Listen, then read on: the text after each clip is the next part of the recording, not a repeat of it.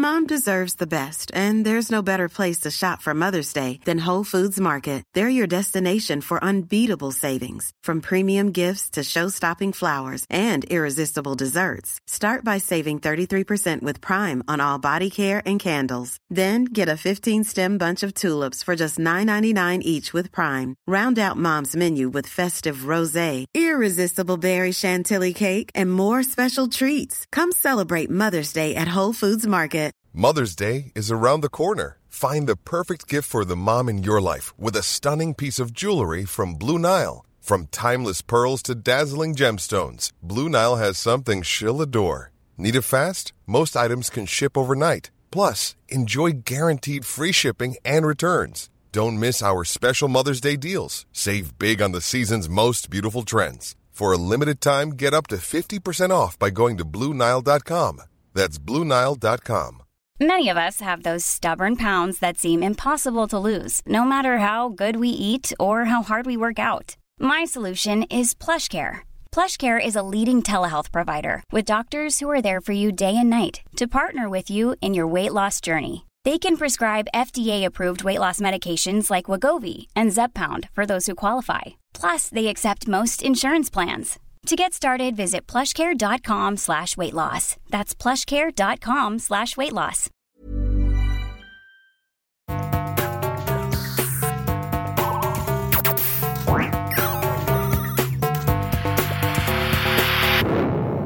Velkommen til Sinnsyn. Jeg heter Sondre Risom Livre, er psykolog, og dette er Webpsykologens podkast. Hverdagspsykologi for fagfolk og folk flest.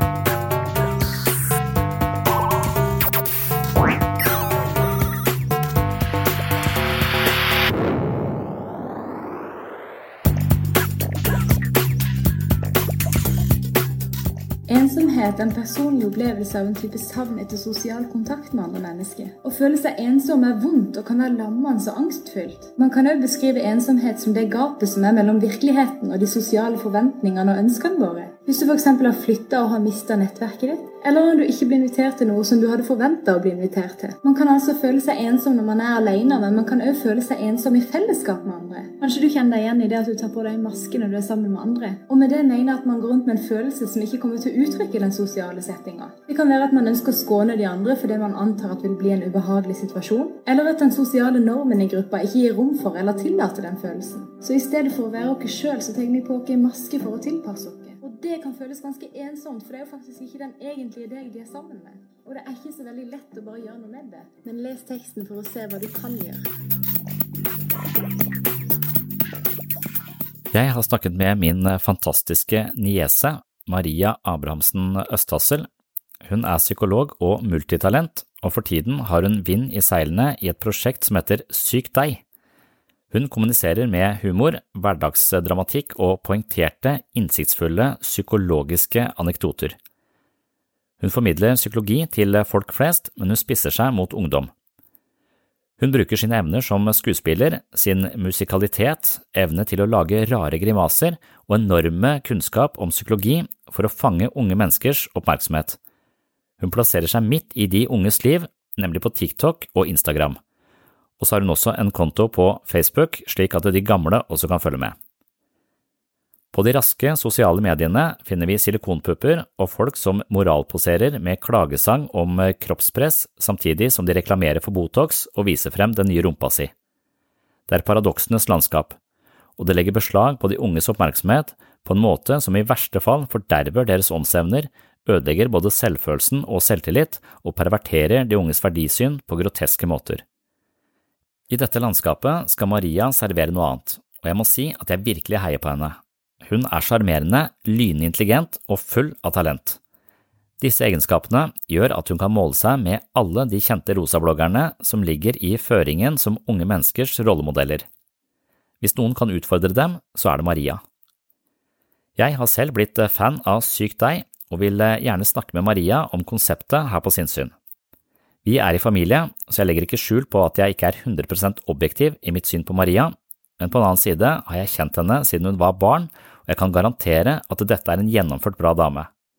Jeg digger Maria, og jeg synes det er prisverdig at hun i stilling som kommunepsykolog i Farsund tar det på seg å intervenere som en slags klinisk feltarbeider der ungdommen, og mange av oss voksne lever store deler av livet vårt, nemlig i sosiale medier. Når det er sagt, så har jeg også noen få innvendinger til hvordan mennesker generelt sett konsumerer informasjon og bruker mediene og teknologien vi har til rådighet. Hjernen er plastisk, og den former seg i takt med måten vi bruker den på. Som gammel gubbe er jeg tilhenger av å lese lange bøker. Jeg opplever at lesing av lange tekster stimulerer det som kalles for dyplesning, som igjen stimulerer dyptenkning, og jeg tror sistnevnte er viktig for mental helse. Når vi vet at hjernen tilpasser seg det den brukes til, og sosiale medier utsetter oss for et bombardement av korte beskjeder, sensasjonalisme og overskrifter, er jeg redd for at vi får et hode fullt av ingresser uten evne til å følge lengre resonnementer. I verste fall blir vi overfladiske og dumme. Når vi derimot leser en bok, selv om boka er dårlig, så interagerer vi med teksten på en annen måte. Boka trenger ikke være bra eller formidle den beste kunnskapen som finnes, men i møte med teksten kommer vi med vårt eget, og til sammen utgjør det en synergi hvor det oppstår noe nytt. Vi begynner å koble ulike argumenter opp mot hverandre, lage indre modeller av bokas narrativer, og vi legger til våre egne perspektiver. Denne prosessen lodder en større dybde i menneskesinnet enn scrolling i sosiale medier og det viser seg at denne forskjellen synes i hjernen vår. Personlig opplever jeg at det er for lenge siden jeg har lest en bok. For tiden så holder jeg mest til uh, lydbøker fordi jeg har uh, liten tid med barn osv., men det er ikke hele uh, sannheten eller årsaken til at jeg ikke leser nok bøker for tida. Det er som om mobiltelefonen alltid ligger innen rekkevidde og hindrer meg i lengre strekk med dyp konsentrasjon. Selv når jeg ikke bruker mobilen, tror jeg at det er noe i meg som bruker energi på å motstå fristelsen til å sjekke hva som har skjedd på mail eller hva Google Photo har laget av nye bildeanimasjoner. Telefonen er full av innhold som gir mening. Bilder av mine kjære, beskjeder fra folk jeg bryr meg om, og artige videoer som får meg til å le. Eller lange samtaler mellom mennesker jeg beundrer på Joe Rogan Experience eller Making Sense med Sam Harris. Jeg sier ikke at dette er uten verdi, men når det hele tiden fanger min oppmerksomhet med små pling og vibreringer, hindrer det meg i å dykke dypere ned i en lengre tekst, og jeg tror det ødelegger min oppmerksomhet. Før vi fikk skriftspråket, formidlet vi kunnskap gjennom muntlige historier. Det stilte krav til dramaturgi som var god nok til å huske budskapet, og kanskje hadde vi en annen form for hukommelse på den tiden. Når vi lærer oss å lese og skrive, blir større deler av hjernebarken brukt til å kode symboler og tegn om til meningsfulle ytringer. Når vi slutter å lete aktivt i en lengre tekst etter dypere sammenhenger, tror jeg vi mister denne evnen. Det er iallfall slik hjernen er, akkurat som en muskel som svinner hen dersom den aldri stimuleres. Dette er et område som bekymrer meg, og spesielt i rollen som far. Maria deler denne bekymringen, men hun synes det er en dårlig strategi å hoste opp surmaga kritikk av ny teknologi da de ikke vil ha noen gjennomslagskraft overhodet. Hun mener at det er bedre å infiltrere de mediene som folk uansett bruker, og der har hun nok helt rett. Hvis Maria klarer å presse seg inn og ta oppmerksomheten fra Sophie Elise eller Isabel Rad, så tror jeg at det er en seier for den mentale folkehelsa. Hvis Maria klarer å bli så populær at folk blir mer nysgjerrige på henne, så er hun også i ferd med å skrive en bok, og da kan det hende at vi plutselig får folk som leser igjen, og da bør Maria få kongens fortjenestemedalje. Jeg digger Maria, og jeg heier på henne som onkel, venn og kollega. Jeg anbefaler henne til alle som er interessert i psykologi, og til alle som har ungdommer de tror kan ha nytte av noen gode innspill med hensyn til psykisk helse. Jeg anbefaler ikke Maria fordi hun er i familie, men fordi hun er sykt god med sykt deg. Her har du Maria Østassel Abrahamsen og vår samtale om sykt deg. Hallo. Hei. Hei, ja. Er du på jobb, eller? Ja. Ja. Det, ja. Ferdig med ferie? Er, litt, så det er ikke så mye å gjøre nå før skolen starter og sånn. Så rolige dager, så det er litt deilig. Ja. Mm. Mm. Yes.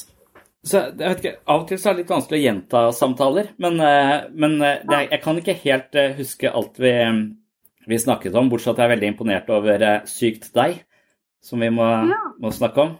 Og det kommer stadig vekk nye, nye snutter. Det gjør jo det. Jeg prøver liksom å holde folks interesse oppe med å legge ut litt. eh, Ja, sånn tre filmer i uka. Tre filmer Ja, ok. Ja. Så vi kan jo ta, som jeg, som jeg sa sist, vi, når dette kommer på sinnssyn, så, så vil jeg jo si noe om deg i starten.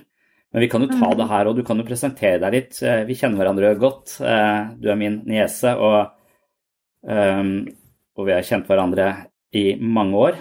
Um, mm.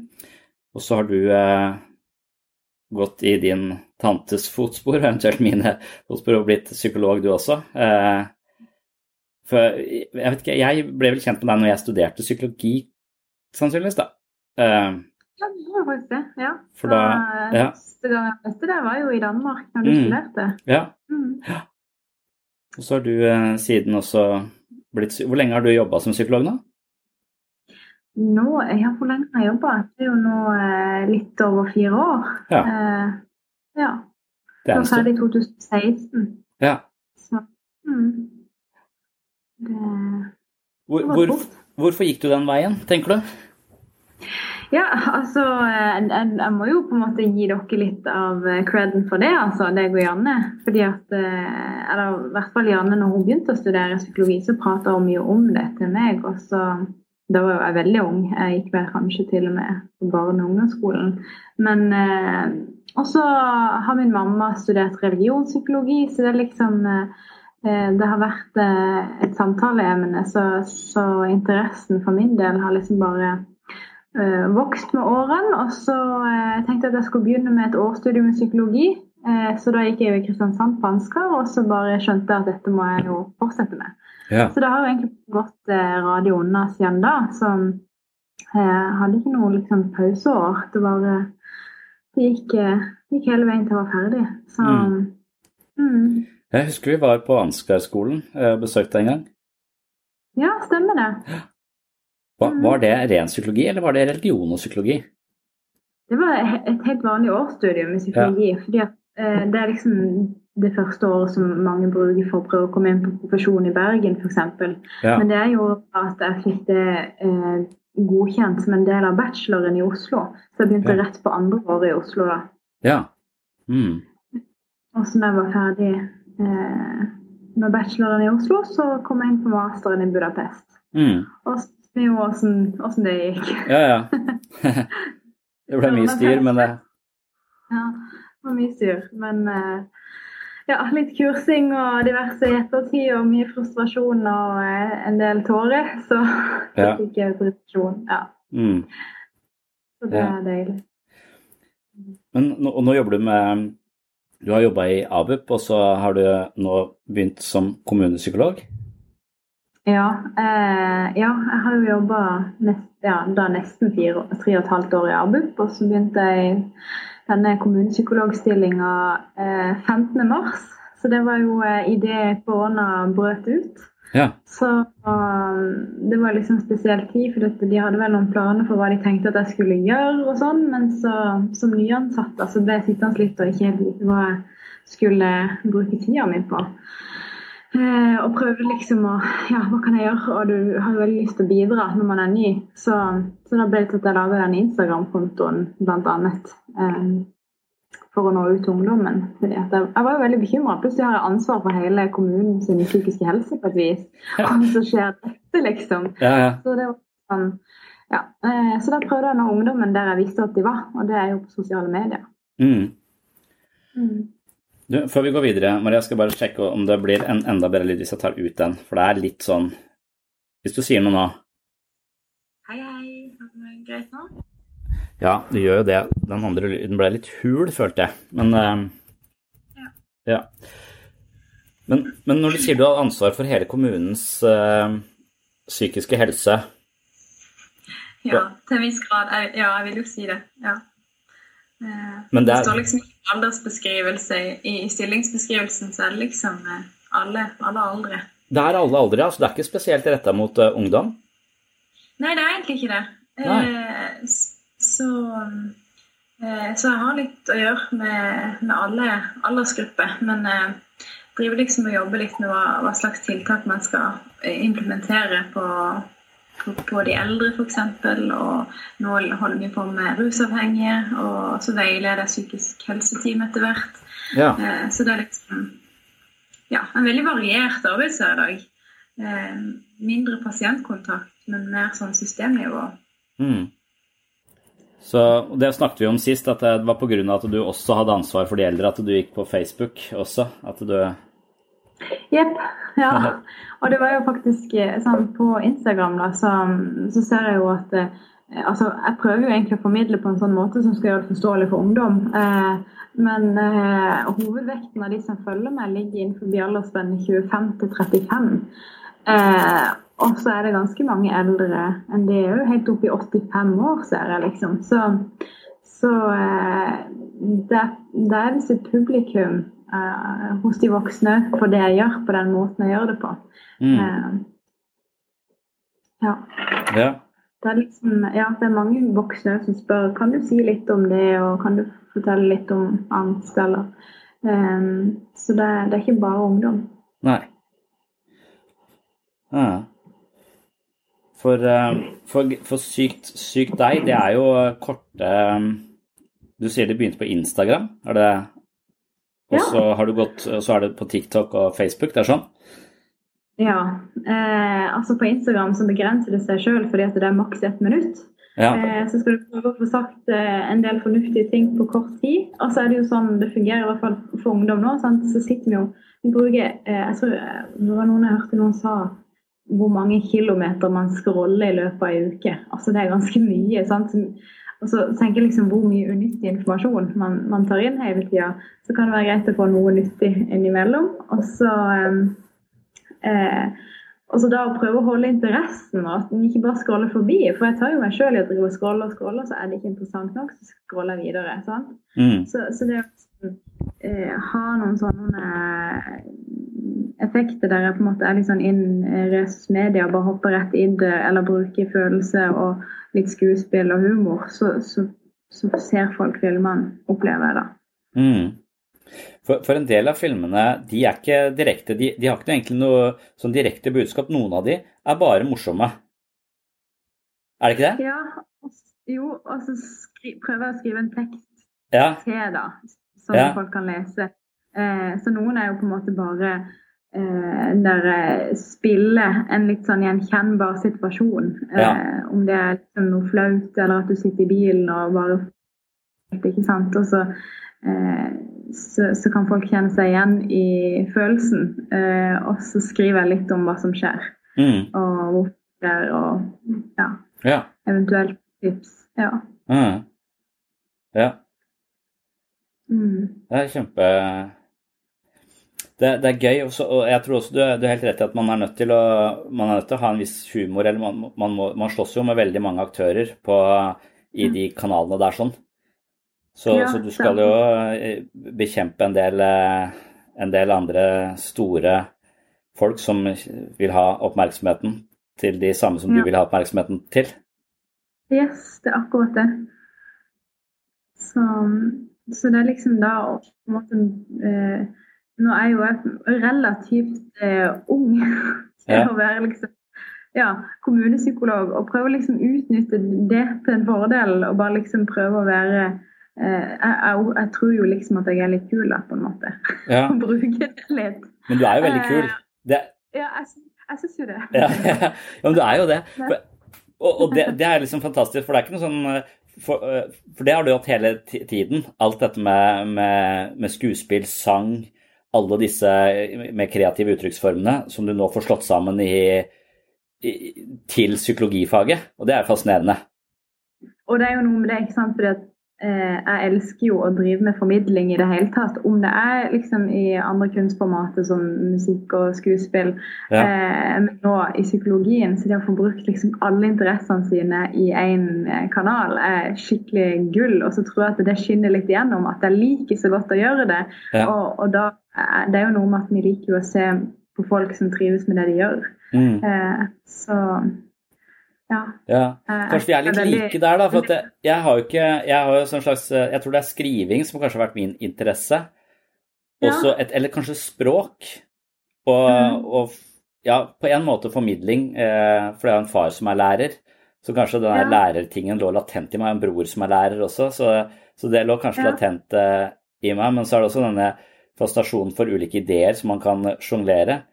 Så det tror jeg også kanskje er et, et slags felles utgangspunkt her. Og at du har så mye mer. For jeg har ikke, jeg har ikke disse Jeg har ikke den de dramaturgiske grepene, skuespillet, sangen, alt det der andre scene, scenetingene da, som du, du, bruker i tillegg til, til formidlingen. Så det er jo ja.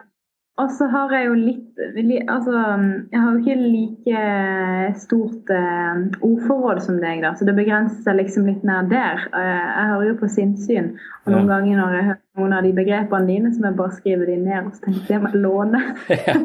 ja. veldig, veldig greit. Eh, så, så, på en måte det som jeg ikke har av eh, måte å uttrykke meg på verbalt og verbal ammunisjon, så tar jeg det igjen med å være ja, litt dramatisk. Ja, men det, det, tror jeg er kjempebra, for ofte så illustrerer du poengene også. på en veldig sånn, Du gjør det veldig visuelt. Og det har, har vært en sånn ting når jeg på, på, um, skriver på nett f.eks., at jeg, jeg, bruker mye tid på å finne bilder som illustrerer tematikken. Ja, mm. For jeg mm. tenker at det visuelle har en veldig, en veldig verdi, det også. Uh, og du, du, gjør det med hele kroppen og ansiktsuttrykkene og grimasene. Du formidler jo veldig mye psykologi med, med grimaser. Så det, ja, og, og, så er du, og der på en måte tenker jeg mye på ungdom, da. ikke sant? For at, uh, hvert fall de som, som og, og, de som sliter psykisk. Uh, mye av de sin store utfordring er jo at de nettopp ikke har språk for, for følelsene sine. Ja. Men, men, at de kan kjenne seg igjen uh, med det visuelle, på en måte. Ja. Så, jeg har lurt litt på det noen ganger, for at det er det du sier med, med ordforråd og sånn. Jeg vet ikke jeg, jeg tenker jo på det som en treningssak. da. Eh, jeg vet også når du, når du tar en sånn form for test, og du kan ha en sånn form for verbal forståelse i ulike eh, tester, men, men, jeg tror aldri jeg har hatt noen sånn veldig høy verbal forståelse. Men jeg tror bare at interessen for språk har vært der hele tiden. Så jeg tror kanskje at det der med å finne ord og uttrykk som jeg mener passer bedre enn andre ord og uttrykk, som, som skaper små nyanser, har vært en sånn eh, mm. interesse fordi jeg har vært opptatt av egentlig skulle skrive skjønnlitteratur. Men det har jeg aldri fått ja. til. da. Men jeg husker at det, eh, hver gang jeg kom til et ord som jeg visste at jeg hadde brukt på de tre siste sidene, så ville jeg ha et annet ord. Eh, bare litt sånn snobberi, egentlig. Og da slo jeg opp i synonymordboka, så, så jeg brukte jo flere år på synonymordbok. Så jeg, så jeg bodde i synonymordboka for å finne synonymene til alle disse. Og det virker det var bare for jeg tenkte jeg skulle ha et rikere språk å formidle det med, men egentlig så ble det helt uleselig av det. Eh, men, men, men, i senere tid så tenker jeg kanskje at ja, nettopp det, det har vært en slags sånn øvelse i å bruke språket og utforske språket og finne de begrepene som passer best. Og da hender det jo at jeg også mm. møter her på, eh, på poliklinikken altså folk som sier at ja, du bruker så masse ord, jeg forstår ikke hva du sier. Og da kan man tenke ja, da bør jeg kanskje tilpasse meg litt, og det bør jeg, men samtidig så tror jeg også det er en dialekt du skal lære deg. da. Hvis du har levd et helt mm. liv uten noe særlig språk på det som foregår på innsiden, så er det nettopp å lære seg nettopp det språket. Så hvis vi mm. skal bli elektriker, så må vi jo lære oss noe om kurser og ampere osv. Aner ikke hva det betyr, mm. men hvis jeg først skulle drive og skru inn i et sånn sikringsskap, så må jeg jo lære meg, lære meg det. Og kanskje det er litt på samme måte med psykologien, at vi trenger folk At på, på ett nivå så handler det om å lære seg et nytt språk. Mm. Og det føler jeg du virkelig gjør, for at du, ofte så tar du et ord, og så forklarer du det, sånn jeg har sett på Syk deg. Altså, det mm. betyr det, sier du, og så, og så illustrerer du det, enten med en, med en uh, vignett fra du, du, finner stemmer et sted. Du, finner, du, du aper etter stemmer og små sketsjer som du tydeligvis har funnet uh, et eller annet sted, og så, og så, blir det veldig gøy, samtidig som du forklarer et eller annet ord. Og da kan det hende at det, det holder. Altså, nå fikk du det ordet i dag. Kanskje det ordet mm. blir som et frø hos de, de, som hører det, og så tenker ja, det ordet, så kanskje de langsomt adopterer det og kan bruke det. Og hvis du kan bruke det, så kanskje du ser akkurat de tendensene hos deg selv når de dukker opp. Det vil være Ja. Jeg føler jo at altså, Språket vårt er jo, veldig, det er jo med på å forme hvordan man opplever verden, og hva man ser og hva man erfarer. Ja. Så det, at det du sier der, det å så små frø hele tida, på en måte, og så prøver jeg da å begynne veldig i det små og det enkle, og det er jo det jeg får tilbakemelding fra voksne på en måte, at du gjør det veldig enkelt. Og, ja. og, og, og, med det så håper jeg at jeg kan skape en interesse. Eh, og for sinnssyn, da, eh, som er min favorittpodkast, Sondre, det er bra. så er jo, så er jo det, er jo det eh, en eh, faglig podkast som, som, er av stor interesse for, eh, for fagpersoner. Eh, men kanskje, kanskje, det jeg gjør, kan være med på å liksom, flere til å bli mer interessert i sin psykiske helse, og til og med da vil oppsøke enda dypere informasjon som du kan få med å lytte en time til deg. da. Ja, eh, mm. ja, ja, OK. Mm. Det er det skal jeg håpe, da. Liksom det å så frø og, og, og, få vekke folks liksom, oppmerksomhet og interesse for, for, introspeksjon, på en måte. Mm. Det tror jeg virkelig du, virkelig du, får til. Så jeg tenker vel kanskje av og til at, jeg, at jeg, det, det, vil være veldig lurt som en slags innføring, men du aner jo ikke egentlig når du har en podkast, så vet du ikke egentlig hvem som hører på den.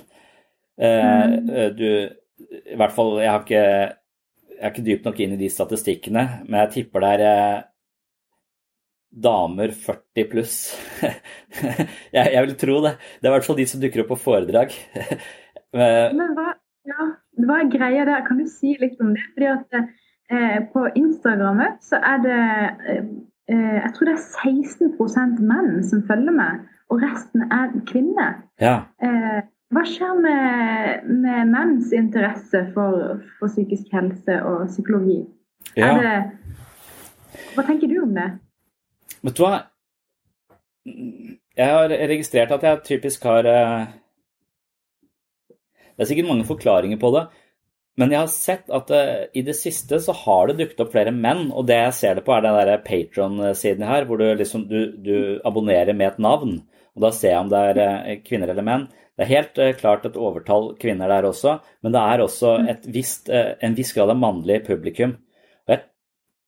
Jeg, jeg, tipper at Jordan Peterson har jo, bare, har jo bare unge menn, ikke sant? Så han har en eller annen Hæ? Og meg. Ja, og deg, ikke sant? Men han har, han har selvfølgelig masse, masse, masse millioner av, av, av, følgere. Men han har en litt mm. sånn Det er et eller annet litt off med han, sånn jeg Eller sånn jeg har en sånn jeg elsker mye av det han sier, spesielt det med Bibelen, og sånn syns jeg er kjempeinteressant. Men han har en veldig sånn mm. maskulin approach da, eh, til, eh, til, ting. Og jeg vet ikke, jeg har jo det på jobben her også, så er det mest kvinner som søker hjelp, og menn eh, Så, så der vil jo jeg kanskje foreslå at det finnes en eller annen sånn, enten om det er biologisk eller kulturelt betinga forskjell som gjør at det, menn forsøker å løse problemene sine annerledes. Kanskje det er den stereotypien at det å snakke om det, det å være i prosesser og det å føle en verdi av bare det å uttrykke noe, det tror jeg ligger mm. litt lettere for, for kvinner enn menn. Det syns jeg i hvert fall jeg opplever i gruppeterapi, at menn skal ofte Ja, men hva skal jeg gjøre med det? Eh, så, så, menn vil ha en, de har en løsning, de har en oppskrift, og de vil ha en slags uh, progresjon. De er litt utålmodige, og de vil ha den progresjonen veldig raskt. Og Derfor er det også så viktig i grupper å ha begge deler. For det er viktig å være i prosessen og, og se verdien i det. Men vi kan ikke bare være der, der for da kommer vi liksom ingen vei. Falt ut der, tro. Ja, nå, ja, nå, nå er du tilbake. Ja. ja. Så, så jeg, jeg, jeg innbiller meg at uh, måten å å formidle psykologi på kan være, hvis du, hvis du, gjør det litt mer pragmatisk og litt mer sånn eh, at, Akkurat som jeg prøver kanskje, uten at jeg har tenkt på det før du sier det nå, at jeg prøver kanskje langsomt å henvende meg litt mer til menn, eller håper at flere menn gjør det, ved å bruke sånn typisk treningsmetaforer, f.eks. Jeg kaller det mentalt treningsstudio. Mental trening. Jeg bruker mm. sånne eh, begreper som jeg tenker at menn er eh, Eh, er opptatt av. Pluss at jeg tror eh, de standup-komikerne som jeg driver og presser inn hele tiden, er sånn halvveis litt sånn frekke på kanten, som de kanskje, kanskje de eh, Ja, så, som appellerer til et litt annet publikum enn bare Ja, litt sånn metoo-skandale. ja, ja, ja.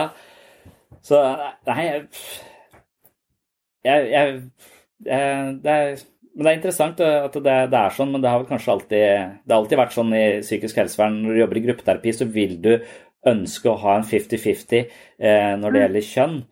Eh, og nå er det så mange kjønn også, så nå, nå ønsker man en slags eh, eh for, forskjellighet inn. Fra, for Enten så må en gruppe være bare damer med like problemer, eller bare menn med tilsvarende problemer. Sånn, eller så Vi kan ikke ta én mann inn i en gruppe med bare kvinner, f.eks.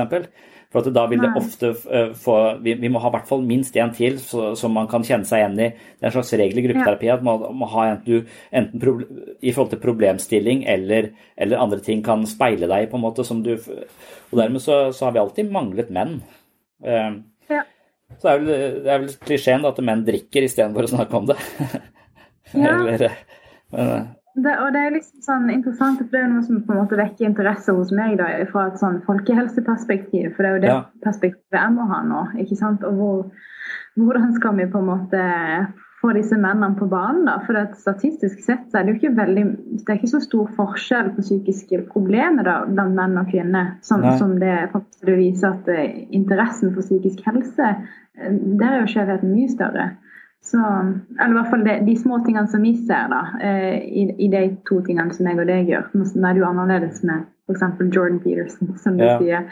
Um, men det er, nok, det er nok viktig at det er mange forskjellige uh, måter å formidle psykologi på. Sånn, for min del sånn, så, så, har jeg hatt veldig god utbytte av å lytte til Jordan Peterson, fordi ja. at jeg har som du kjenner til, da, vært eh, veldig sånn radikal feministaktig ja. Eh, i, min, i, min, ungdom. Og da har det vært viktig for meg å liksom oppsøke noe som kan nyansere meg litt. Og, ja. og det er jo han på. Ja, absolutt. Mm. Og så, så har han jo mange andre sider som ikke er fullt så attraktive på den helt andre, veldig maskuline siden. Men ja, ja. kan det være at det, det derre å snakke om jeg tenker at du kan ha potensial til å treffe flere, flere menn etter hvert med eh, jeg, jeg tror at det, eh, folk, folk, sier ofte ja, du må kjenne etter på følelsene dine, du må forstå følelsene dine. Det er for meg forholdsvis feminint. Eh, og jeg tenker at det, både menn og kvinner har feminine og maskuline krefter. Men jeg tror mm. språket og kjenne på følelser eh, tilhører litt det feminine landskapet. Og jeg tror det er en viktig dimensjon med de fleste mennesker, men ikke nødvendigvis helt tilgjengelig for alle. Så, så når, mm. folk, når, man sier at ja, du må uttrykke følelsene dine, forstå følelsene, så har jeg alltid syntes at det er litt sånn ullent begrep. Hva mener du egentlig når du sier det? Jeg må kjenne etter på følelsene dine. Hva, altså, så selv, altså, ja, Det må du forstå som er psykolog. Nei, jeg forstår det egentlig ikke. Eh, men, men det, jeg, det, jeg, gjør, tror jeg, og grunnen til at jeg bruker og grunnen til at jeg liker syk deg veldig, eh, veldig, godt, er fordi at eh, jeg trenger kanskje selv, uten at jeg egentlig visste at jeg tenkte at jeg var veldig verbal, men, men så er jeg også ganske sånn Jeg trenger uh, å forholde meg til meg selv som om jeg har ulike, alle disse ulike sidene som egentlig er følelser i meg. Det, det oppstår som karakterer, mer eller mindre. Så, så isteden, når jeg blir forbanna i trafikken, så ser jeg for meg at jeg får plutselig sånn Oslo-losen-temperament, og så er det Harald Eia som dukker opp i meg. Og idet jeg gjenkjenner Harald Eia-skikkelsen i meg selv, så klarer jeg å mm. dempe den der eh, road rage-tendensen min, på en måte. Fordi at jeg kan le litt av det. Og jeg får denne avstanden til meg selv. og så Av og til så kan jeg føle meg liten og dum, ikke sant? så jeg tenke at jeg er han derre Alexander fra Kongsvik ungdomsskole. Han som prøver å være på satsebuss hele tiden og, og er sammen med gutta, og det er så fett og så smooth. Han er som hele tiden prøver det. At jeg av og til kan føle meg en forsamling av andre liksom sånn liten og teit, av sånn klegg som prøver å henge på og være, være likt. Og så, og så ser jeg, og idet jeg oppdager Da er jo følelsen av følelsen Følelsen er å føle seg øh, ja, stusslig og ikke interessant nok og utenfor, på en måte. Og, mm. og, den, den, og, det å kjenne etter på den følelsen, det gir Med en gang jeg kan se for meg at nå har jeg blitt Alexander fra Kongsvik, så får jeg, da, da, får jeg en forståelse for hva som skjer, og da kan jeg nesten flire litt av meg selv. Og jeg er ikke så fanget av meg selv, da. Mm. Og det er kanskje litt den, når jeg ser på dine videoer, at jeg får um, at du gestalter ulike du, du, du, går ikke så inn i har ulike figurer, sånn som Lene Kongsvik, men du gestalter noen sånne uttrykk eh, som jeg ja. kan bruke når jeg kommer inn i den samme situasjonen. Så kan jeg se dine grimaser kan dukke opp eh, eh, i meg.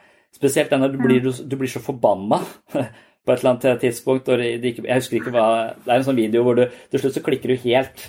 Eh. Så det er noe sånt bilde jeg kan bruke og, til å til å se meg selv uten at jeg da forsvinner inn i den følelsen og blir destruktiv. At jeg kan se Oi, nå ble jeg sånn som Maria var på den videoen.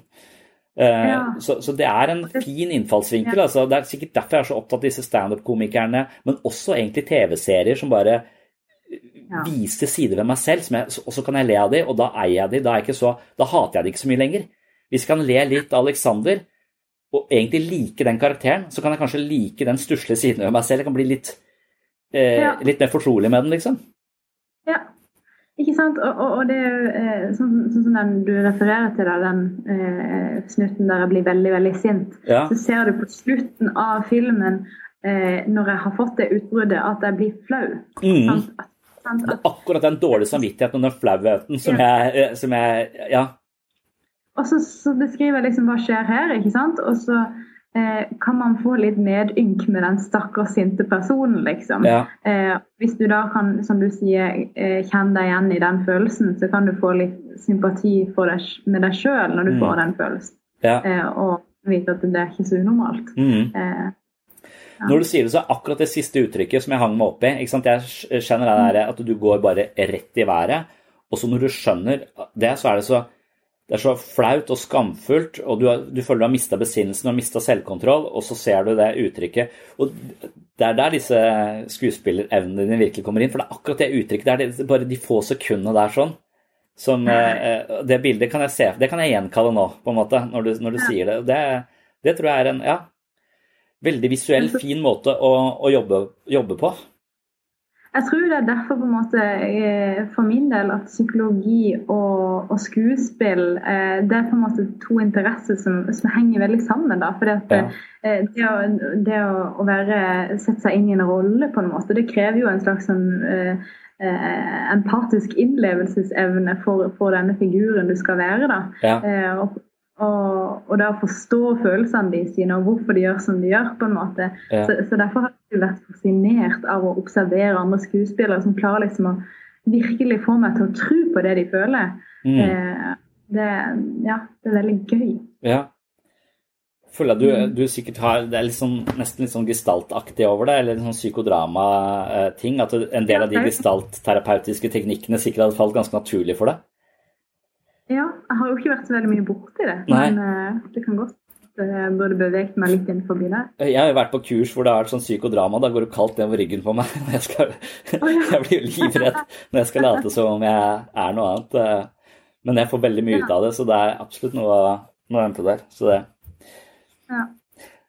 det vi snakket litt om, litt om sist, eh, som hvor jeg, hvor jeg kan si at det jeg er litt bekymra for min egen del når det gjelder uh, bruk av uh, sosiale medier, når det gjelder bruk av telefonen, uh, og spesielt mm. min egen oppmerksomhet. At jeg føler at det å lese en bok er det for lenge siden jeg har gjort. Og jeg kan skylde på at jeg har tre barn, men det er ikke bare derfor. Det er også fordi at konsentrasjonsevnen min, som jeg alltid har tenkt på var ganske god, jeg har hatt evne til å konsentrere meg lenge, den føler jeg blir dårligere og dårligere. Og kanskje fordi at jeg flakker mot mobilen eh, hele tiden. Selv når jeg ser på en TV-serie, så, så, mm. ligger mobilen på siden, og jeg er innom den i løpet av den TV-serien.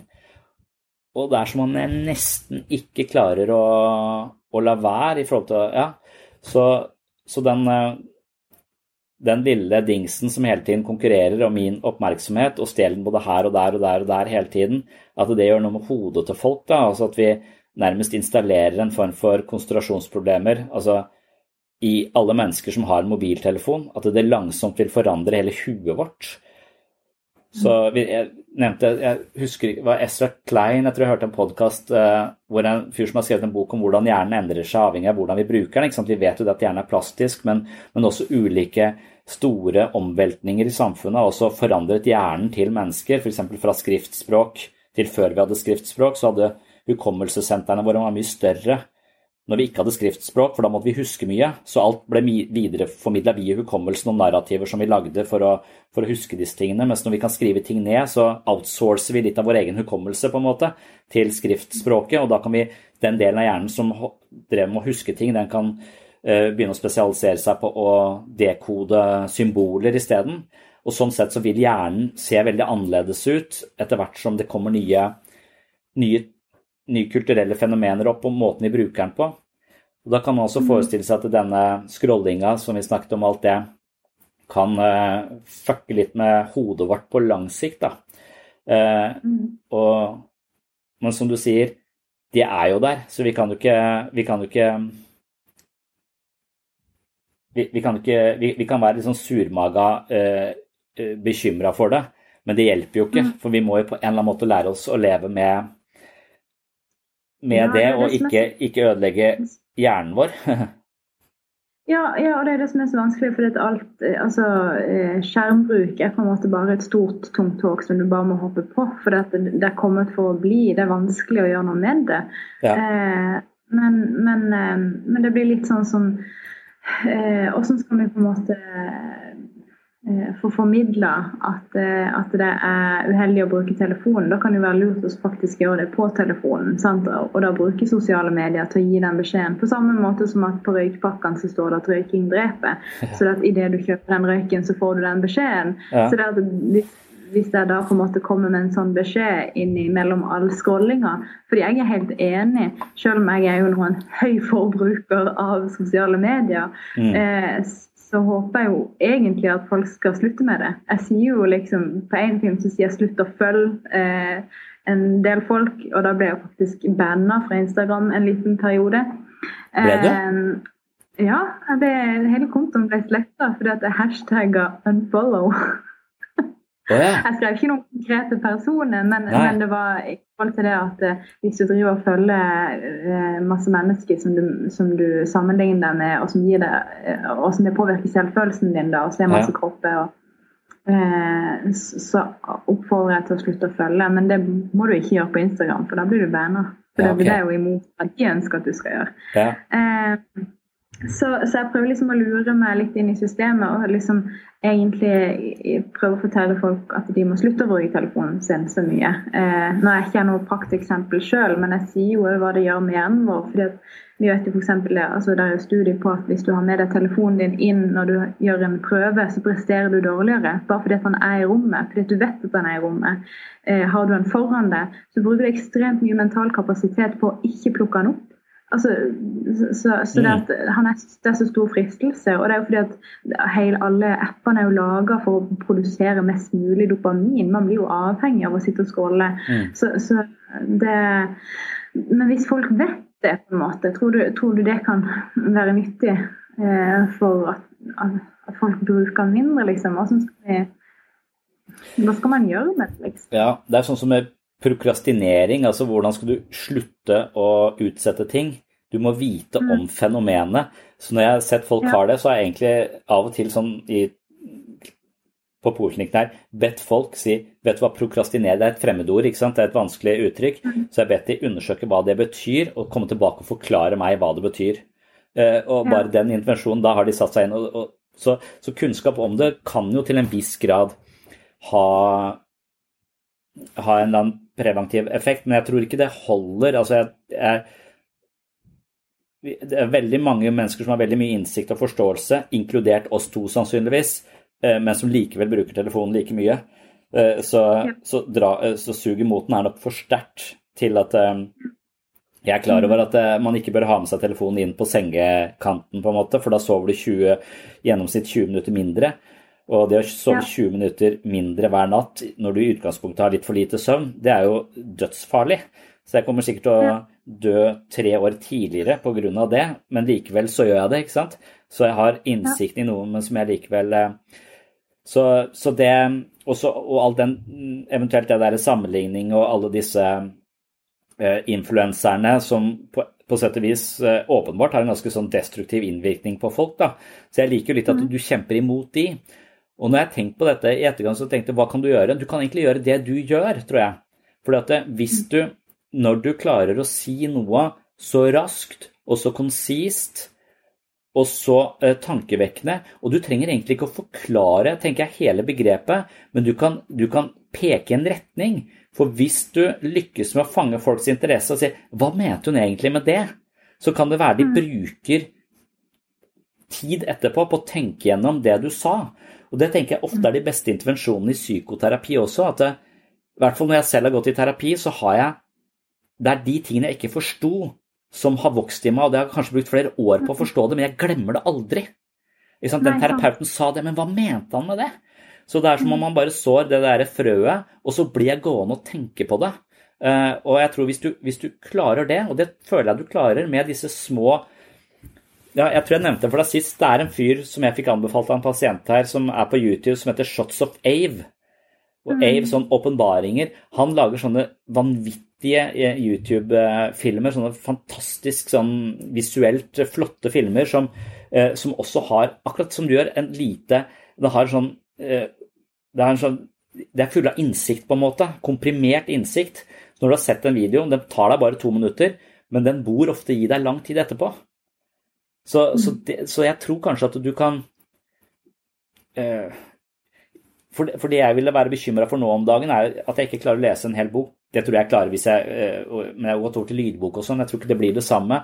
Men det å kunne uh, drive med dyptenkning eller dyplesning lesning, og være konsentrert og gå dypt ned i noe eh, som du kanskje ikke mm. forstår ved første øyekast. Jeg tror det er veldig sunt, for jeg tror vi da stimulerer hjernen på en, på en annen måte enn hvis vi bare leser overskrifter, går videre, går videre, går videre. Altså at vi, vi må eh, altså Dyplesning henger sammen med dyptenkning, og jeg tror dyptenkning er noe som er bra for psykisk helse. Så mm. hvis du kanskje med små sånne innsmett faktisk stimulerer en form for dyptenkning, hvis du er litt vag, eh, ganske konsis, men samtidig litt vag, du sier noe som, eh, som jeg, jeg, skrev jo på Jeg husker ikke hvor det var på Facebook eller noe, at Maria klarer å si det på 30 sekunder som jeg bruker to timer på å forklare. Og, og det tror jeg er eh, litt det tror jeg, jeg tror er kjempefint. Jeg. Når jeg tenker meg om, så tenker jeg at det, ja, for det du, du, formidler, du tar liksom du tar essensen, og så må du selv utlede hvordan dette her skal Hva betyr det for mitt liv? Hva betyr det generelt mm. sett? Og så kanskje de begynner å fortelle det. Kanskje du gjør det kult å være litt smart, på en måte. Eh, kanskje du gjør det kult å, at de forklarer eh, vennene sine, hvis, hvis, det er ungdom du treffer, da. At, at, mm. de blir, eh, at de, du formidler en type verdier som er en en slags motpol til Gucci-vesker, hvis det er de du konkurrerer med. Å, det er jo drømmen. Ja. det er jo, ja. Nei, nei men det, det, er jo det jeg håper, at det kan bli på en måte noe som eh, de som sitter hjemme sammen på å scrolle eh, av ungdom, at de kan på en måte diskutere det. Altså, ja. Så du den filmen, eh, og at det ja. føles eh, akkurat sånn det var den gangen, husker du? ikke sant? Så blir ja. det et tema. og Eh, og at noen kan late som Og eie litt det jeg har sagt, da, og fortelle det videre til noen andre. Ja. Det er jo kjempefint hvis noen kan det. Mm. Eh, men, jeg, men, jeg, er liksom nysgjerrig på Eh, vi er veldig klar over alle risikofaktorene med sosiale medier og skjermbruk i det hele tatt. At det frarøver oss fra viktige beskyttelsesfaktorer når det kommer til, til, psykisk helse. Altså, Vi blir mer inaktive, og vi blir, vi blir sosiale på en helt annen måte. Og eh, altså dette med søvnen. Eh, men, men, hva slags måte fordeler er det, hvis vi skal på en måte se litt på det òg? Jeg tenker jo Eh, sånn som du sier at det stimulerer kan, altså Hvis vi finner en riktig måte å gjøre det på, så kan det stimulere en dyptenkning. fordi eh, selv så er, du, du, du, er jo liksom redd for å ikke få lest en bok. Men eh, jeg, jeg, har nok tendenser til dysleksi. Jeg har aldri lest noe særlig bøker på eget initiativ, annet enn faglitteratur som jeg har måttet lese. Men jeg har vært helt avhengig av å være på forelesninger og lytte og ta det inn eh, auditivt. Så, så, um, for min del så har, så har på en måte lydbokverden og podkastverden vært eh, så viktig for meg, liksom, og, og virkelig stimulert til akkurat dette.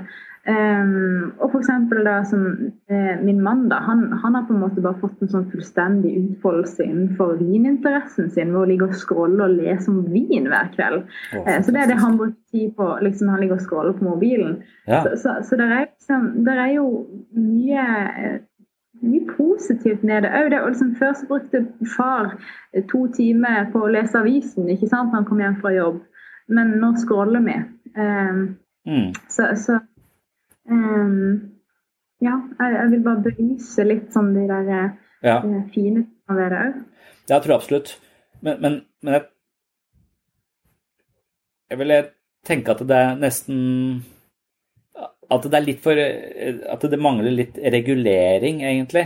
Uh, at det, at det er et Du må nesten ha en slags byplanlegging av din egen mobiltelefon. Og det bør egentlig ikke du selv gjøre. Det bør være en slags det bør være en infrastruktur i de appene vi bruker, som sørger ja. for at uh, vi blir sunne mennesker, og ikke sånne overfladiske konsumere eller, eller sånne Candy Crush uh, konsentrasjonssviktaktig altså at vi Så, så, så jeg, jeg, tror absolutt det er masse Jeg er helt enig. altså Det er helt åpnet Lydbøker er det som redda meg fra at jeg Når jeg hørte lydbok, så føler jeg også jeg hørte altså at jeg at jeg kan opprettholde en form for lesning via lydbok, at jeg har gått mye over til det. Jeg bare, bare ser at det, at det, er vanskeligere for meg å få dybden i en lydbok fordi at jeg ikke kan stoppe opp. Altså det, er for, det er for vanskelig for meg å hver gang det er noe jeg ikke forstår, så vil jeg i en bok bare ja, Hva mener han egentlig med det? Og så vil jeg lese setningen en gang til. Nå går det bare forbi, så må jeg bare uh, henge, henge, med. Jeg blir dratt videre, på en måte. Mm. så, så, dermed så klarer jeg ikke også å stoppe opp og, og uh, tenke gjennom det som egentlig, egentlig blir sagt. Så, men jeg er helt enig med deg at det er veldig mange Helt sikkert bare noe vi skal tilpasse oss, men så lenge hele markedet er tufta på at det er vår oppmerksomhet som folk tjener penger på, så, ja. så er det sketchy, på en måte. At det er så mange eh, enormt dyktige programmerere der ute eh, som har eh, lest psykologi og vet hvordan eh, triggerpunktene til alle mennesker eh, er, og hva som skal til for å, for å fange oppmerksomheten mm. så lenge at eh, annonsøren betaler for annonseplass i akkurat det. Så, Ikke sant? Ja. Og, det vet vi jo at liksom, altså, de jobber jo mye raskere enn f.eks. Eh, de som forsker på dette og finner ut av hvor eh, mye det påvirker oss negativt, og så må det innom politikken for at det skal mm. bli gjort noe med. Sant? Så det, ja. det, det, er, det, er, viktig å være klar over det så tidlig som mulig nå. for mm. jeg håper som du sier at det kommer mer regulering rundt det. At mm. vi, eh, vi trenger jo å bli passa på. ja. Vi er jo ja. helt hjelpeløse hvis vi skal overlates til oss sjøl. Men, men, du kan ha den innsikten av han som har skrevet den boka om hvordan hjernen forandrer seg. Han hadde selv en sånn eh, safe som han la mobilen i når han kom hjem. Eh, fordi han mente at eh, han ikke hadde impulskontroll nok selv til å ikke sjekke mobilen hele tiden. Og det er en ting at ok, det kan fucke opp min oppmerksomhet, men det kan også fucke opp barna mine. da, For at de hele tiden mister min oppmerksomhet. Og, og, mm. det er kanskje det verste ved det, syns jeg. At, at, jeg. at, de konkurrerer eh, med min mobiltelefon hele tiden. Og det føler jeg som en sånn ekkel ting. Eh, så ja. den safen som han har, som er sånn tidsinnstilt, og når du kommer hjem, så, så lukker hun. Er helt umulig. Du, liksom, du, klarer ikke å bryte den opp. Du kan, du kan, den kan Den kunne ligge i Ja, det, det går ikke an å få den ut før eh, klokka halv ni når barnet har lagt seg. Da åpner safen seg av seg sjøl. Så du kan liksom ikke, du er ikke tilgjengelig de tre-fire timene på ettermiddagen. da. Og så Ja, egentlig litt lurt, da, men da har du innsikt i at jeg er jo totalt uten viljestyrke. Det er jo det du Det er jo litt som en alkoholiker eh, av og til erklærer seg selv uten impulskontroll. Så jeg vil ikke drikke, men jeg klarer ikke å la være. Eh, jeg må rett og slett bare skjerme meg fra dette her. Og det, det virker som en sånn Føler det gjør mennesket litt svakt, men vi er kanskje så, så svake. Så, så, det kan man jo selvfølgelig gjøre, og så kan man jo se på alle de positive. For hvis jeg hadde klart det, hvis jeg hadde klart å regulere ned jeg mener det, det verste som kan skje med meg, er at jeg har brukt en halv time på scrolling på meningsløse videoer på, ja. som ligger på Facebook der. Altså, da føler jeg at jeg kasta bort livet mitt på en sånn måte. Da, sånn, da blir jeg sur og misfornøyd med meg selv. Men når jeg har brukt uh, telefonen til å komme meg videre i programmet til Sam Harris sin uh, sånn meditasjonsprogram, da, som jeg driver og har sånne leksjoner, og han har hørt den leksjonen, så, så, føler jeg kanskje at jeg har, eh, har, brukt tida mi på en veldig fornuftig og fin måte, at det har gitt meg noe. Mm. Så telefonen er full av ting som gir meg noe, og så er den full av andre ting som, som ikke gir meg noe. så så det handler jo, det er noe vi, vi Det krever ganske mye av mennesker, da. Og så sørge for at det der blir en kilde til vekst og utvikling, og ikke til eh, hjernedød tidtrøyte som langsomt gir deg lav selvfølelse og en opplevelse av meningsløshet. Ja, og så må vi på en måte tåle å, å ikke bli underholdt konstant, og tåle å kjede oss litt. For det, det mm. merker jo jeg. jeg. Som du sier, eh, jeg har jo en toåring. og det kjedeligste jeg vet, er å leke med traktor. Ja. Jeg syns det er dritkjedelig. Ja. Og da, da, er det ingenting i verden som er mer fristende enn å plukke opp den telefonen mm. hele tida. Så jeg må faktisk legge den i et annet rom og bestemme meg for å prøve å interessere meg litt for traktor. For ja. å gjøre det bedre for meg sjøl. Altså, ja. altså, jeg må liksom leve meg inn i traktorlegen for å gjøre det hyggeligere for meg og han. For det, da får jeg ikke like lyst til å gå og hente den telefonen og bare scrolle dødt. Ja. Eh, for jeg tar meg sjøl i å gjøre det ja. hele tida. Mm. Ja. Ja, nei, det er uh... If you're looking for plump lips that last, you need to know about Juvederm lip fillers. With Juvederm Volbella XC and Juvederm Ultra XC, your lip look, whether it's subtle or bold, can last up to one full year with optimal treatment and no additional maintenance. Find a licensed specialist and see if it's right for you at Juvederm.com today. That's J U V E D E R M.com. Add fullness to lips in adults over 21 with Juvederm Volbella XC or Juvederm Ultra XC. Do not use if you have severe allergies or a history of severe allergic reactions, or if you're allergic to lidocaine or the proteins used in Juvederm. Tell your doctor if you have a history of scarring or taking medicines that decrease the body's immune response or that can prolong bleeding. Common side effects include injection site redness, swelling, pain, tenderness, firmness, lumps, bumps, bruising, discoloration, or itching. As with all fillers, there's a rare risk of unintentional injection into a blood vessel, which can cause vision abnormalities, blindness, stroke, temporary scabs, or scarring. For full important safety information, visit juvederm.com. Planning for your next trip? Elevate your travel style with Quince. Quince has all the jet setting essentials you'll want for your next getaway, like European linen, premium luggage options, buttery soft Italian leather bags, and so much more. And is all priced at 50 to 80% less than similar brands. Plus, Quince only works with factories that use safe and ethical manufacturing practices. Pack your bags with high-quality essentials you'll be wearing for vacations to come with Quince. Go to quince.com slash pack for free shipping and 365-day returns.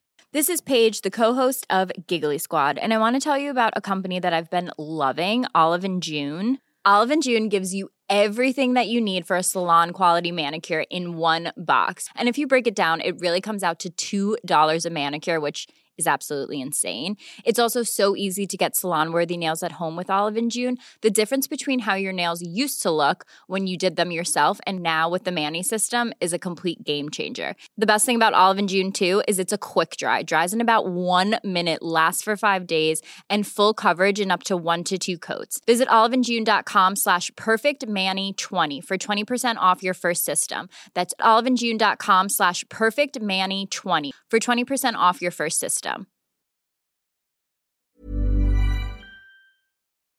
Men, eh, men, som jeg sa sist gang også, så syns jeg det er fint Jeg hørte du hadde noen sånne For én ting er å øh, du, du, du, kan jo være du vekker veldig mange, manges interesse med en type øh, beskjeder som krever mer av oss enn at vi bare kan scrolle forbi det. Vi er nødt til å, å, å tenke gjennom det på en måte som kanskje gagner oss det kan godt være vi leser en eller annen rosa-blogger eller, eller, hører et eller annet sånt innlegg også, og det vi tenker igjennom er at jeg er ikke så bra, jeg er ikke så uh, altså, at, vi, at, vi, havner i lange grublerier som er langt mer negativt. Uh, så, så, du konkurrerer jeg, jeg, liker at du liksom driver og konkurrerer med disse uh, i, i, de mediene hvor alle disse andre aktørene også, også spiller. Og det at, at mm. influensere stort sett skal være folk som av og til er ganske narsissistisk orienterte og mangler eh, kunnskap ofte. Altså hvorfor de skal være toneangivende for, eh, for barns eh, og unge menneskers eh, utvikling, det er jo tragisk. Og jeg føler at du mm. virkelig har potensialet, for du som sier du er jo ikke du er ung, og så er du kul, sier du selv. Uh, og, og, det syns jeg, og du er kul, så jeg tror du har potensialet til, jeg tror du har potensialet til virkelig bare eh, ta den verden der på en veldig, veldig god måte. Så jeg elsker det. Jeg syns sykt deg er eh, fantastisk, og så syns jeg det er bra at det er morsomt.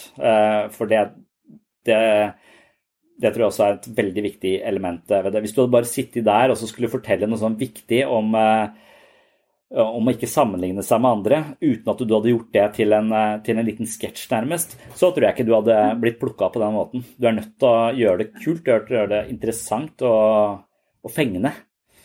Um, og det tror jeg gjelder alle kanaler, altså enten du foreleser på universitetet eller uh, du er i disse sosiale mediene eller hvor det måtte være. altså Nesten som terapeut også, altså for å, for å fange du, Ja, ja, det er sånn det er blitt. Også, også, og på sosiale medier da, så jo, handler jo alt om å, om å, vise en side ved seg sjøl hele tida. Mm. Så, så til og med da, som psykolog som formidler et budskap, så er jeg nødt til å bruke meg sjøl, og, og, og, da helst min egen tilkortkommenhet istedenfor det perfekte, på en måte som, som man gjerne ofte ser. Mm. Eh, så, så, så, jeg er jeg nødt til å, ja, å bjude på. Mm. Ja. Synes det er helt eh helt supert. Altså, men en annen ting jeg bare lurte på med, med deg og um, Det er fordi du, du, eh, du sa du har en, eh, moren din har studert religionspsykologi, er det Eller ja. hva kalte ja. Så at, ja, bachelor. Mm. Ja. Mm.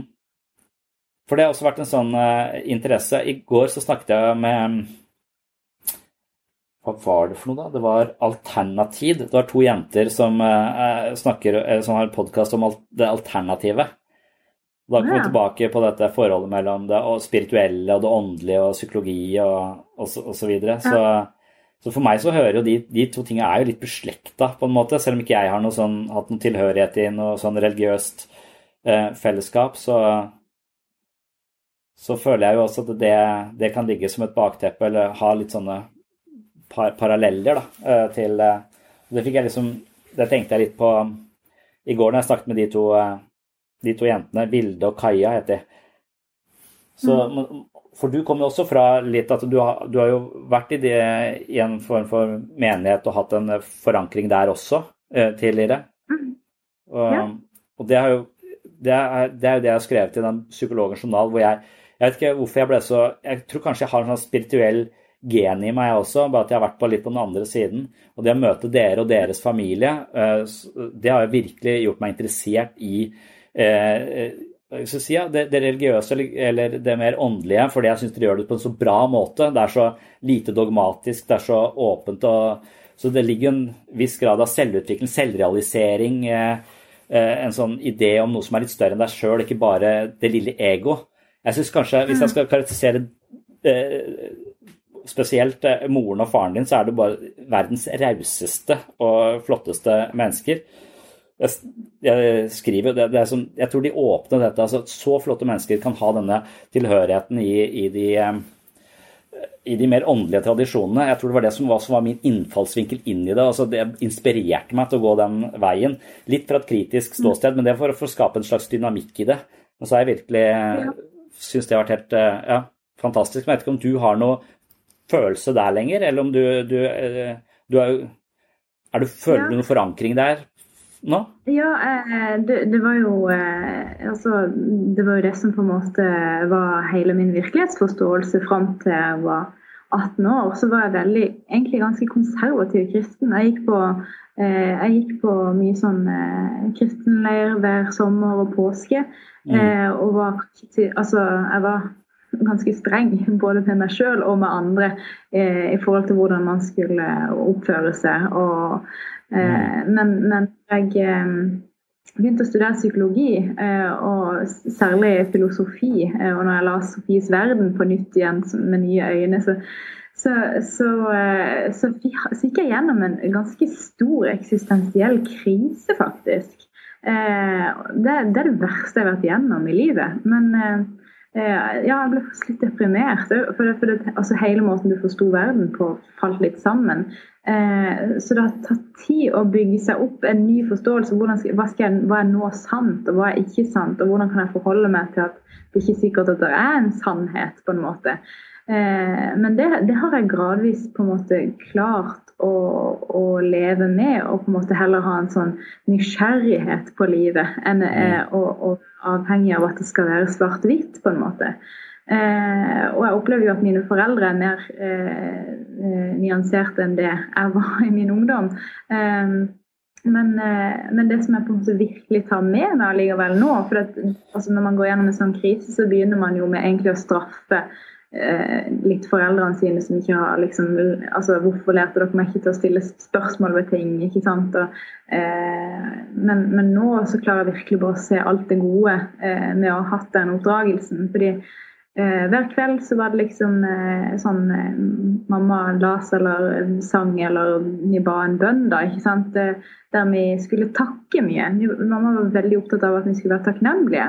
Og det er jo det er jo kjempeviktig at vi, klarer, at vi faktisk setter det inn i praksis på en måte, og tar oss tid til det. Mm. Så, så hver, hver, kveld så lata vi som at det kom ned en engel, og så hadde med seg korg, og så skulle vi fylle opp takkekorger med ting vi var takknemlige for. Og, og, det var liksom det var sånn vi gjorde det hver kveld. Og, så takker vi for maten, ikke sant. Og, Eh, og, og, og det, det, har jeg veldig med meg, altså. For dette, eh, den perioden der jeg hadde en sånn eksistensielt eh, sidesprang, så, eh, så, så, glemte jeg det. Jeg glemte veldig også på en måte eh, se på de tingene der som, mm. som virkelig var viktige. Og du, du, ser jo ikke helt hva som har vært viktig, og hva som ikke har vært viktig. Eh, det som på en måte har vært mye forbundet med skam og, og begrensa livet mitt veldig, det, det, har jo vært negative ting. Men eh, så har det vært utrolig mange positive ting òg. Mm. Så mm. Ja.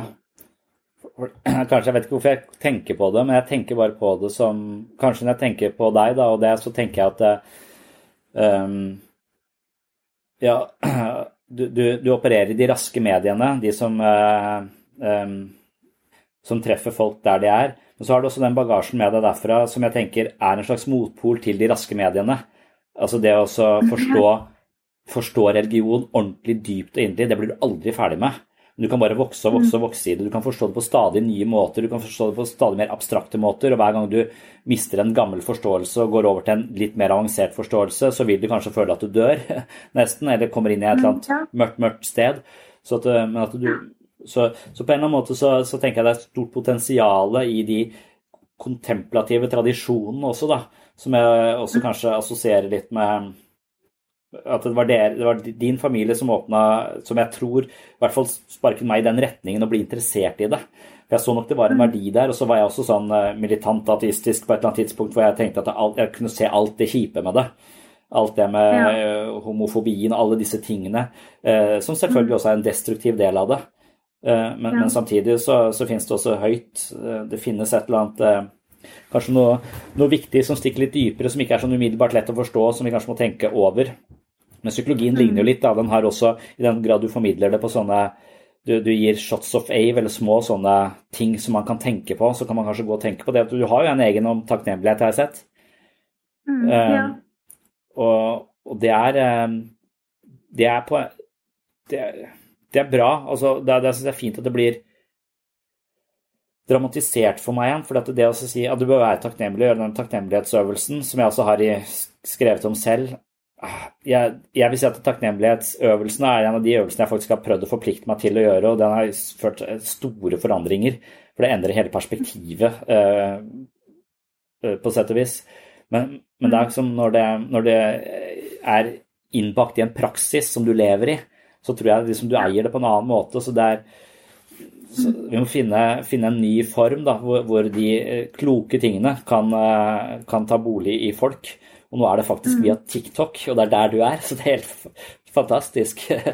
Eller eh, TikTok, Instagram, Facebook. Ja. ja. ja. Nei. Så, men, men det, den siste tingen, jeg tror vi må avslutte snart, men den siste ting som jeg tenkte Eller som jeg for, for, jeg håpet jo at eh, vi også får høre mer av deg kanskje i de lange, litt lengre eh, mediene. En type podkastvariant eh, hvor folk kan eh, gå inn. Og, for, for, det er litt sånn spørsmål, det Helt sånn utenfor dette, på en måte, men, men de som driver i radio eh, mm. som, Mange av de som jobber i radio, har også gått over til å drive mye podkaster. Uh, mm.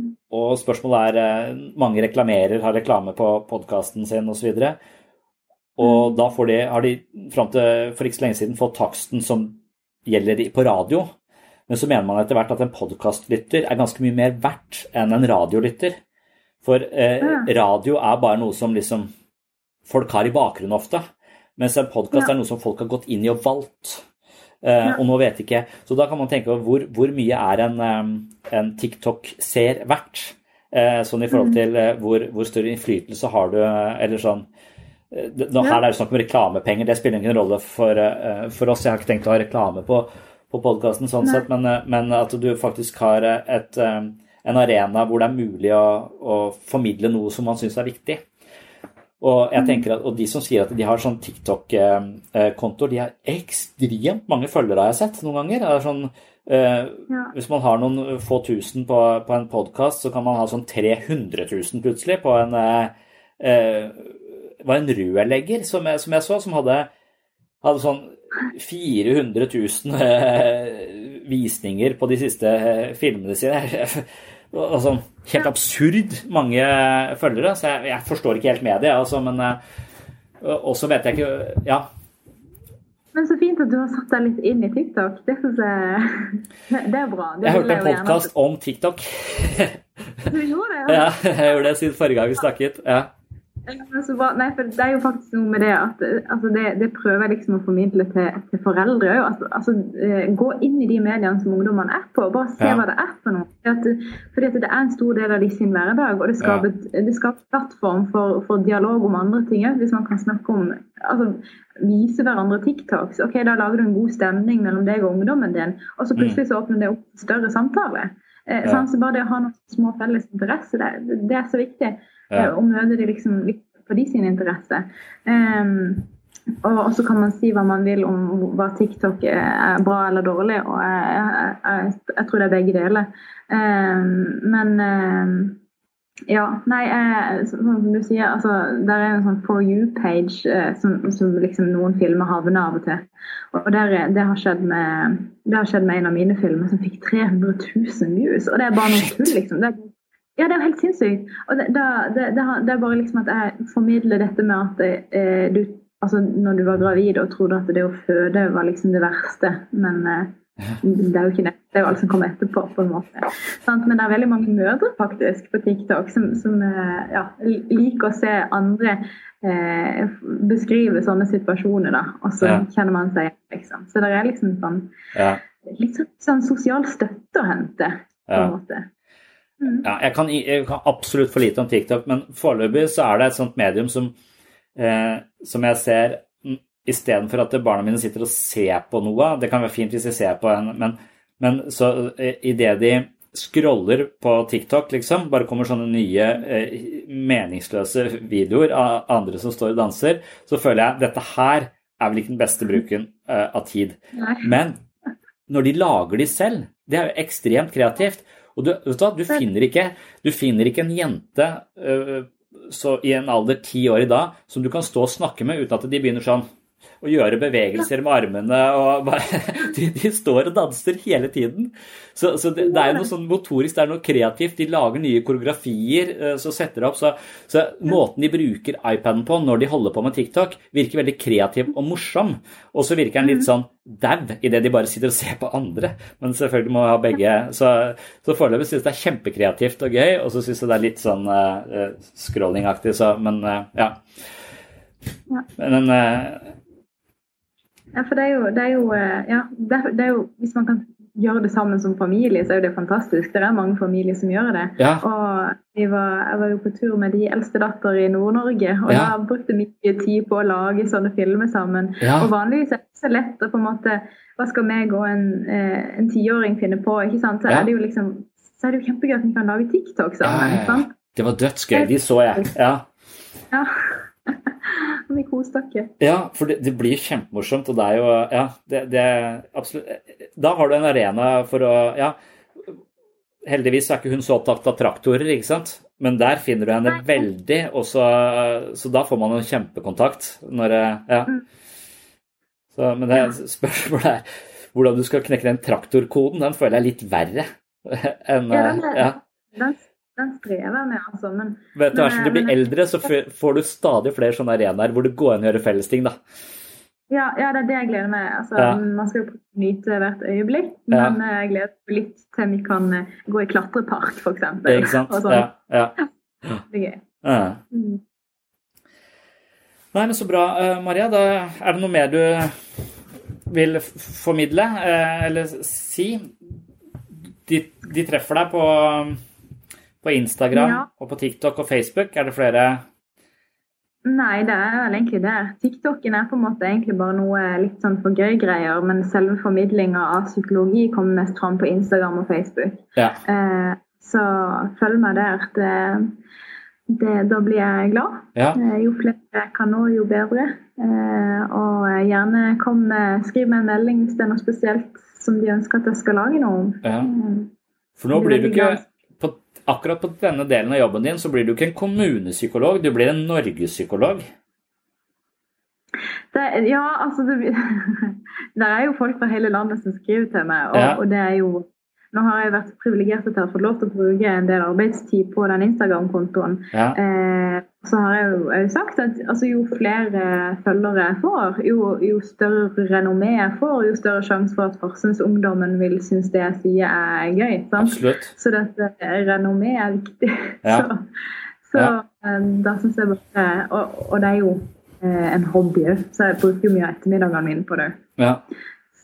Så om hele Norge har lyst til å skrive til meg, så blir jeg veldig glad. Ja, ja, men, mm. Det, ja så utrolig kreativt. Veldig da, da, har vi på litt den samme kombinasjonen. Da. Jeg møter jo pasienter hver dag, men jeg har også dette her på, på siden at jeg at jeg, jeg er bare ikke fullt så kreativ. Det er mer for meg å finne ideene og så snakke med folk, eller for, formidle de språklig, men så sette de sammen med andre som er morsomme. Det er vel min greie, for jeg, jeg klarer ikke å uh, gjøre morsomme ting på uh, jeg klarer ikke å finne på noe som er gøy, for så også filme det eller noe sånt. Det, det har for mye skam. altså, du, har, du har mange gode eh, forklaringer og eksempler. For eksempel, altså, du kan liksom illustrere veldig eh, dette her med den der passive aggressiviteten når du støvsuger rundt eh, ja tante Janne. Ja, nettopp. Ja. Hvordan det er liksom at du demonstrerer sånn. Og det er mye humor, og så kjenner folk seg sykt godt igjen. For ja. det er hele tida. Liksom. Jeg trenger å bli sett, liksom. Akkurat sånn det føles. Ja. Og, og så, så, da, da syns jeg du er, du er, veldig Du har jo en sånn standup-aktig måte å kommunisere på, du òg. Eh, I hvert fall når du har foredrag. Ja, ikke sant. Når, når, det kan komme naturlig, og det er noe jeg har uh, tenkt på og sett, så, så Men, men fortrinnsvis med språk, da. Det er jo det som er ja. Eh, derfor at, jeg, at lyd er den kanalen som, uh, som faller mest naturlig for meg. Men, men, det er nok det jeg tenker, altså det å være leken Du er leken, du, du har bare flere elementer i lekenheten din da, som gjør det enda rikere, og som jeg tror du i hvert fall treffer de, de litt yngre, men også de, de eldre, åpenbart. Så, men, men, at det er den derre både nysgjerrigheten, men lekenheten inn i at det er helt alfa og omega. Den føler en sånn form for kreativ interesse, men også en slags lekenhet med ideer. For, mm. Det har jeg hatt flere episoder om, men jeg, jeg syns jo det virker som om de menneskene som er tungt deprimerte av mye angst, ting er for alvorlig.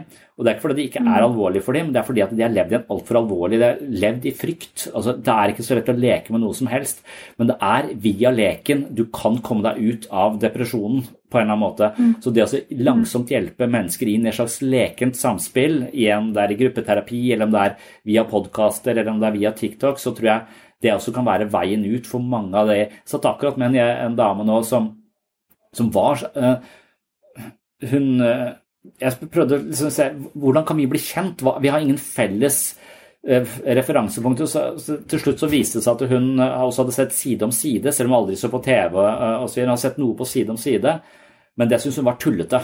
Det var bare tull. Oh, ja. Og, det er, og det er det jeg sier at livet ditt er en masse omsorgssvikt. Sånn, det er så alvorlig. Er, jeg, jeg tror nok at du må inn i en når du ikke kan leke når Ditt indre liv er, er Det er brukt som eksempel er hvis det er et slags pukkverk, det er bare store steiner, det er tungt, en ny tanke er tung, den er tung, den er tung, og du ikke klarer å knuse det sammen og kunne på en måte kreativt sjonglere disse ulike sidene ved deg selv, så er du fanga av deg selv på en sånn veldig destruktiv måte. Så jeg tror den der, humoristiske distansen og den lekenheten inni det er, er, viktig å ha med seg. Og så av og til så bommer man litt, fordi liksom er, man, det er lett for meg å være leken, men du vet ikke hvordan det er å, å vokse opp i Afghanistan og komme til Norge og ikke kjenne noen og være helt alene i verden. Eh, slutt å være så jævla leken. Eh, og det er jeg helt enig i, man skal ta det, men, men langsomt så skal de også eh, hjelpes inn i en åpen, leken dynamikk med andre mennesker, for da kan de skape kontakt. Uh, så, så jeg det, det, tror jeg du kan gjøre, ikke bare ved å snakke med folk, men, men også dra de inn i den typen eh, formidling som du driver med. Uh, og du har liksom hele deg, med alle grimasene dine. Det er, det er litt sånn Jim Carrey gummiansikt innimellom. Det, det, ja, jeg liker folk ansikt. Og, ja. jeg, jeg bare var veldig takknemlig for at jeg får lov til å holde på dette her. Ja. Jeg, jeg, koser meg. Det, ja, jeg liker veldig godt å leke med det. Mm. Mm. Så bra. Vi skal til Farsund i morgen.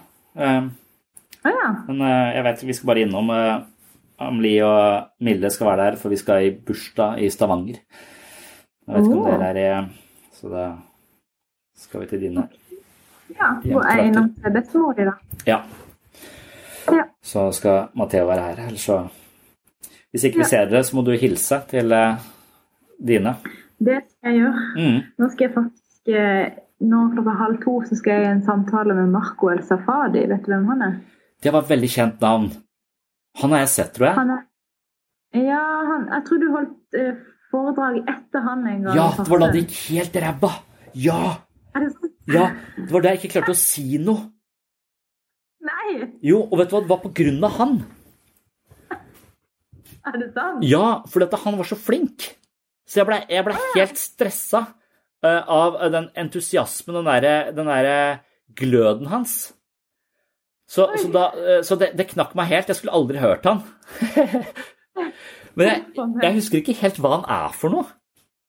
Nei, Han er jo egentlig basketballspiller, så han har ah, ja. Mesternes mester og noe greier. Og så ble han okay. lam og satt i rullestol, og så, så på en måte prater han mye om liksom ah, ja. eh, altså motstanderne om hvordan man skal komme seg gjennom store livskrise og psykisk helse og rus. Og. Okay. Så han holdt i foredrag, men ja. eh, eh han la meg til som venn på Facebook, og så spurte han om han kunne ringe meg. Oh, så han skal ringe meg på halv to, så jeg er litt spent på hva, hva det gjelder. Ja. Men han husker jeg Jeg vet ikke så mye om han, men jeg husker han som en sånn fargeklatt. Sikkert veldig mye å, mye å Han hadde mye å gi, følte jeg. Ja. Ja, det tror jeg nok. Så mm. kanskje det er et samarbeid der som eh, hvor, hvor han har sett deg på Det hadde vært gøy. Ja. Det hadde vært gøy. Skal, når, jeg, når, når, skal jeg jobbe litt med han Oskar eh, Blakstad, som ja skal lage litt sånn noen filmer for de framover. Du skal det, ja? For vi, ja. Jeg hadde tenkt å ringe han, for at vi, jeg starter uh, grupper nå Og jeg, jeg, føler veldig ofte at det å prate uh, blir litt borte i eteren, på en måte, altså for folk. Altså De sier de skal mm. gjøre det, og så gjør de det ikke. Så jeg trenger et eller annet, jeg trenger å materialisere den selve den psykoterapeutiske prosessen, på en måte. Det er greit at vi har samtaleterapi, men vi er nødt til å finne en måte å, å vi, vi, må, vi, må, forankre det også mellom sesjonene her. Så, så, jeg har ja. fått disse kodene til assistert selvhjelpsprogrammene hans, som skal lage egne grupper som en del av de andre gruppene. For å se om det klarer å forplikte folk litt mer. Altså Det er en progresjon, noe som liksom er noe. Et fast ting, liksom. Ja. Eh, så kommuniserer jo noen av de systemene til Oskar også med journalsystemet. Så det er jo eh, at du kan ta en del av disse SL90 og ZIP og sånn, eller IPC, er det det heter? Ja. ja. Og så går det rett inn i journalen. Så, så vi har ikke begynt med det ennå, men uh, da kanskje vi kommer til å bruke dine filmer etter hvert. da, på, i, Hvis det en del, blir en del av det selvhjelps, assistert ja. selvhjelpsprogrammet. Er, eh, ja, det er det som er planen. De, skal, de ville ha liksom, eh, noe veldig likt som Syk deg-aktig. Ja. De vil ha forskjellig å by på. Ja. Eh, men det blir, i første omgang så har de bedt meg om å lage ti filmer på altså ett minutt ish eh, om forskjellige temaer innenfor angst. da. Ja. Men, men, da som Syk deg, ikke sant? Så du, du, du brander det som Syk deg, eller blir det bare Nei, det, det, blir, det er jo på en måte en betalt jobb på sida, liksom. Ja. Eh, så, men, så det, men, du er jo syk deg uansett. Ja. Det, så det spiller ikke noen rolle. Det er bare du dukker opp, så er du jo sykt Du er jo syk deg, så da ja. Uh, ja. Det er bra navn, syns jeg. Syns du det? Mm. Så bra. Ja. ja.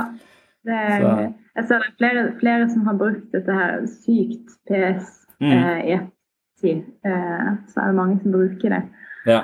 Eh, Forskjellige andre sykt, eh, sykt nei og sykt eh, ja sykt vei. Ja, sykt eh, vanskelig og ja. Ja. Så det er sånn Ja. ja. Men det er gøy. Mm.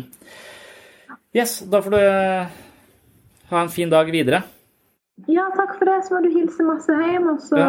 ses vi kanskje plutselig i morgen. Ja, og vi er så begeistra hjemme nå, for jeg får lillesøstera di i nabolaget. Ja, å ja, flytter hun der til?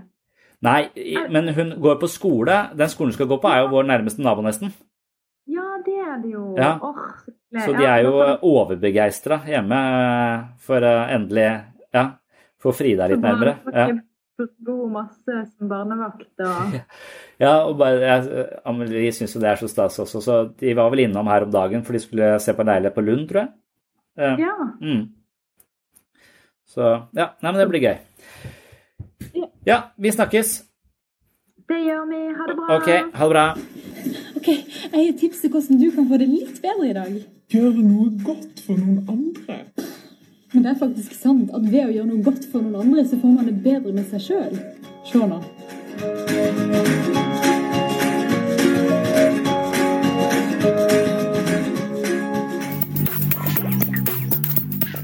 Ja, tusen takk for at du hører på Sinnsyn, og tusen takk til eh, Maria og Syk deg.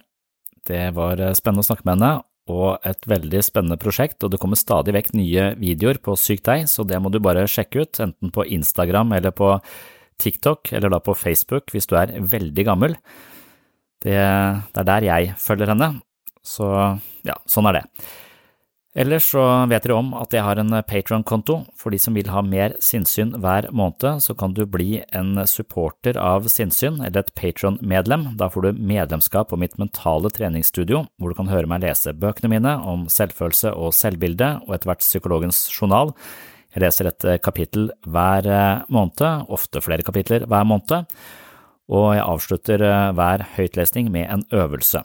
Og disse bøkene skal på sett og vis utgjøre et slags treningsprogram på dette mentale helsestudio, hvor jeg, som du også hørte i denne samtalen, er opptatt av å finne en eh, bro mellom den teorien og den selvinnsikten vi klarer å tilegne oss, og det livet vi faktisk lever. For det er nødt til å koble sammen, hvis ikke så blir vi bare proppfulle av innsikt og fortsetter å leve på en måte som ikke nødvendigvis er helt hensiktsmessig. Så det er jeg opptatt av, og det prøver jeg å tilstrebe på dette mentale treningsstudio, som da du finner på www.patron.com for segs sinnssyn. Og for de av dere som finner verdi her på sinnssyn og ønsker å støtte prosjektet, så er altså dette måten å gjøre det på. Eventuelt så kan du eh, kjøpe bøkene mine på webpsykologen.no, det setter jeg også stor pris på. Og så har jeg også en, eh, en liten butikk hvor jeg selger T-skjorter og noe annet stæsj, som er eh, merch, og det finner du på Teespring. For stæsj sinnssyn 2, tror jeg. Jeg husker ikke akkurat den, men jeg legger det ved i shownotes. Det var det for denne gang. Jeg håper jeg kanskje kan ha en ny samtale med Maria når prosjektet hennes utvikler seg videre. Ja, Følg med, følg med her, følg med på Syk deg, og spre ryktet.